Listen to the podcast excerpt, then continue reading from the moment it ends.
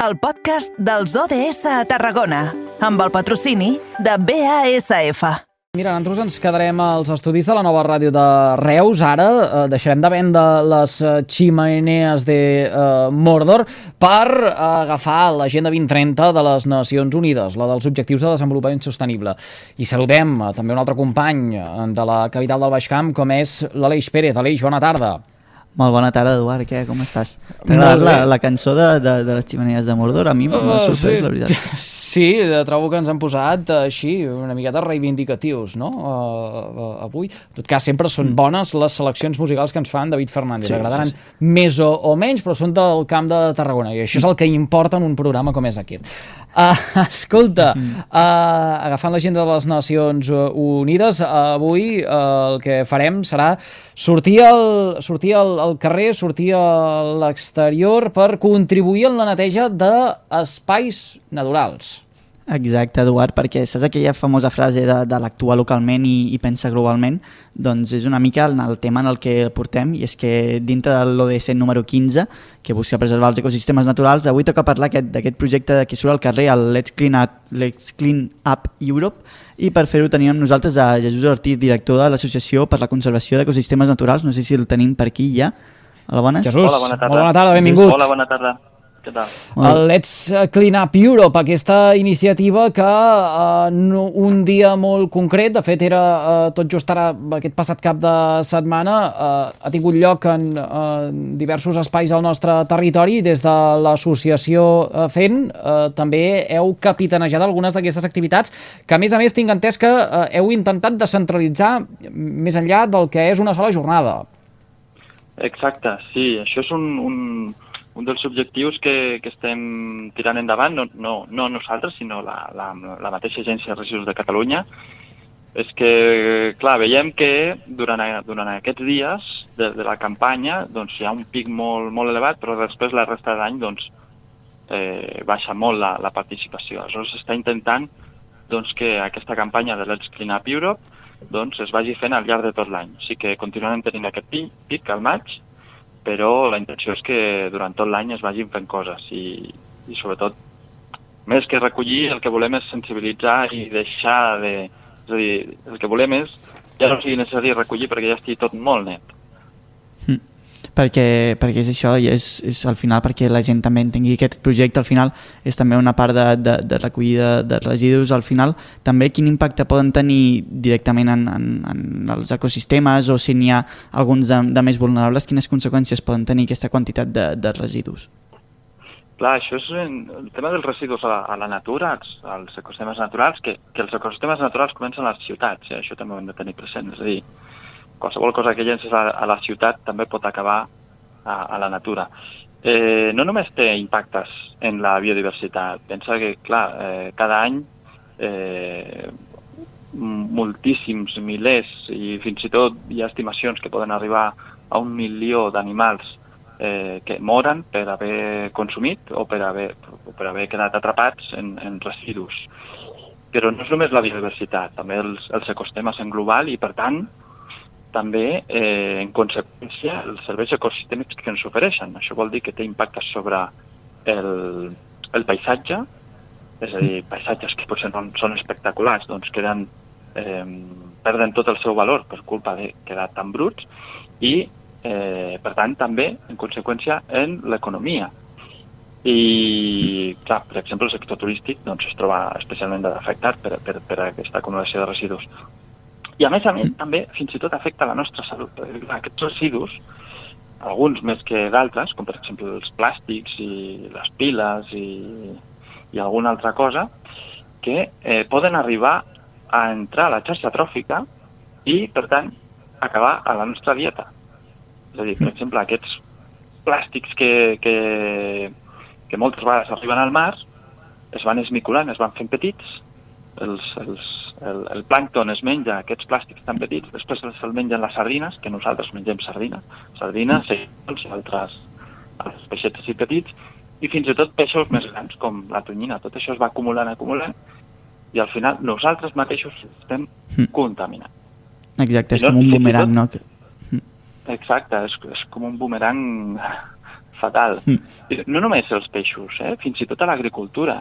I pots dir, ah, jo sóc vegetarià. No, no, no, no, es, no es lliura ningú, perquè fins i tot l'agricultura els sols agrícoles estan plens de microplàstics que les, les, les plantes les, eh, les, poden absorbir aquests plàstics perquè són molt petits. I tot això arriba al nostre cos. Sí, i davant d'aquestes conseqüències, d'aquestes realitats ja, perquè al final, que malauradament doncs, són realitats ja, quina és la, la iniciativa, quina és la proposta aquest del Leeds Clean Europe, una mica que, que permet a partir de, també una mica de, del voluntariat de que la gent s'hi sumi, com, com funciona?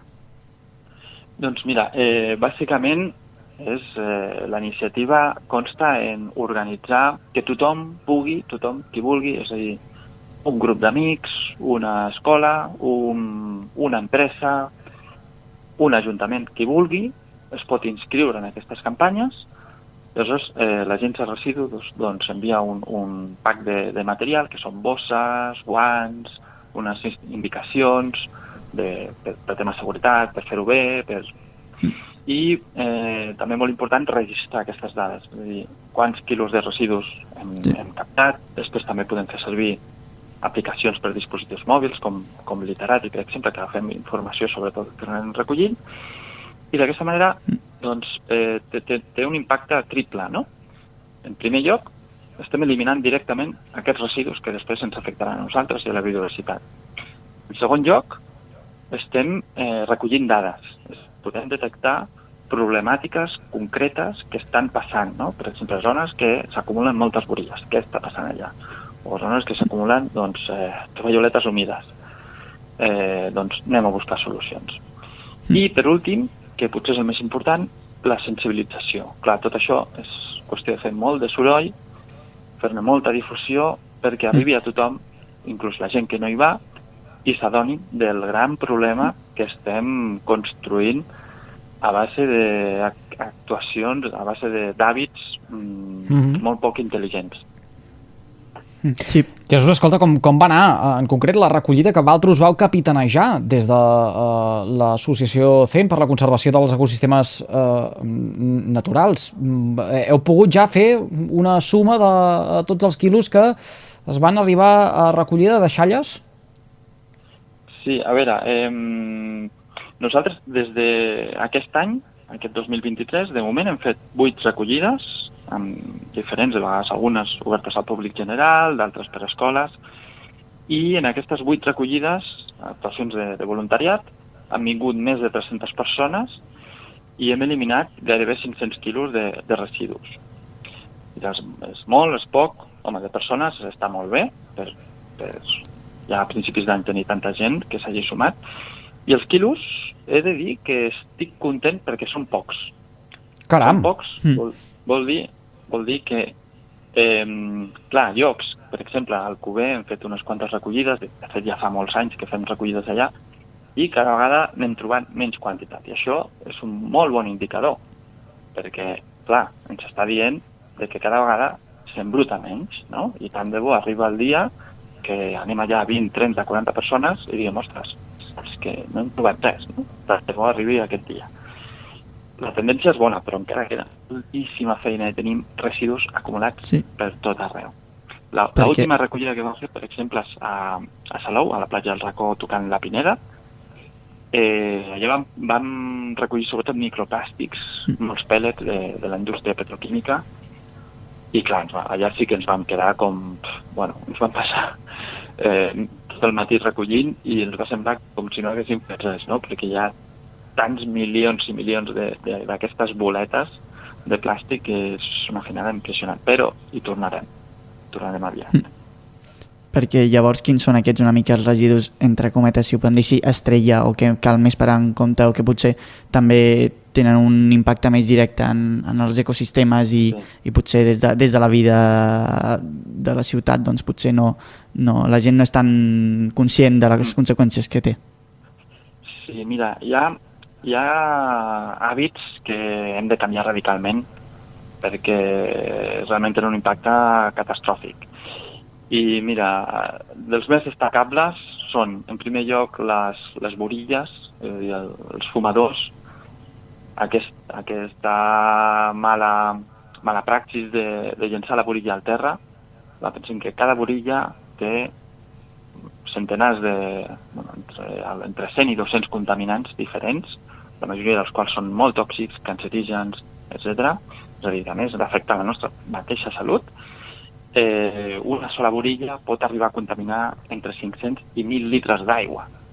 déu nhi Clar, aquest impacte en, un, en els rius, que a més a més ara mateix els tenim supersecs, doncs pot ser catastròfic, no? I tot això moltes vegades també per al mar, que, que és d'on mengem, no? I després un altre residu que vull destacar més són les tovalloletes humides, que no sé per què no, no entén que no es poden llançar al vàter, perquè llançar-lo al vàter vol dir que moltes vegades s'acaba directament al riu, perquè els sistemes de clavegram que tenim doncs, tenen moltes deficiències i no tot passa per la depuradora i per tant que és on, on, on, on es retiren, no? Moltes vegades passa directament cap al riu i totes aquestes tovalloletes es van acumulant i acumulant i el seu impacte és realment nefast. Només amb aquests Jesús. si solucionem això, serà brutal. Uh, de cara a aquest proper cap de setmana, aquest dissabte, uh, organitzeu una nova jornada, com dèiem, enmarcada en aquest de Let's Clean Up uh, Europe, com les que porteu fent ja uh, des que ha començat l'any. Uh, en aquesta sí. ocasió us aneu una miqueta més cap al uh, sud del país, uh, aneu fins a, fins a pràcticament al delta, al delta de l'Ebre, a la platja uh, Eucaliptus, on fareu un taller i mostreig de brossa marina. Els que ens estiguin escoltant i que hi vulguin participar, s'han d'inscriure? Què és el que han de fer? Sí, mira, eh, s'han d'inscriure, en, en aquest cas, eh, ho fem en col·laboració amb el Parc Natural del Delta de l'Ebre, que és, és el seu territori, i eh, l'únic que han de fer és entrar... mm, A veure, nosaltres ho tenim a la nostra pàgina web, eh, el ASOC, en dues guió mig, CEN, és a dir, conservació-ecosistemes-naturals.org, Sí. Doncs allà tenen les, les instruccions per inscriure's. I al web del Parc Natural doncs també és, és tan senzill com emplenar un formulari per, per saber, més que res per saber Mm. quanta gent vindrà i estar preparats, no? I a més a més fem una altra recollida de residus, en aquest cas en col·laboració amb el Camp Residu Zero, que és una altra entitat amb la qual col·laborem molt, molt, Sí. molt sovint, eh, que ho fem a Vilaseca, a la, a la Pineda concretament. I també va de recollir microplàstics a la sorra.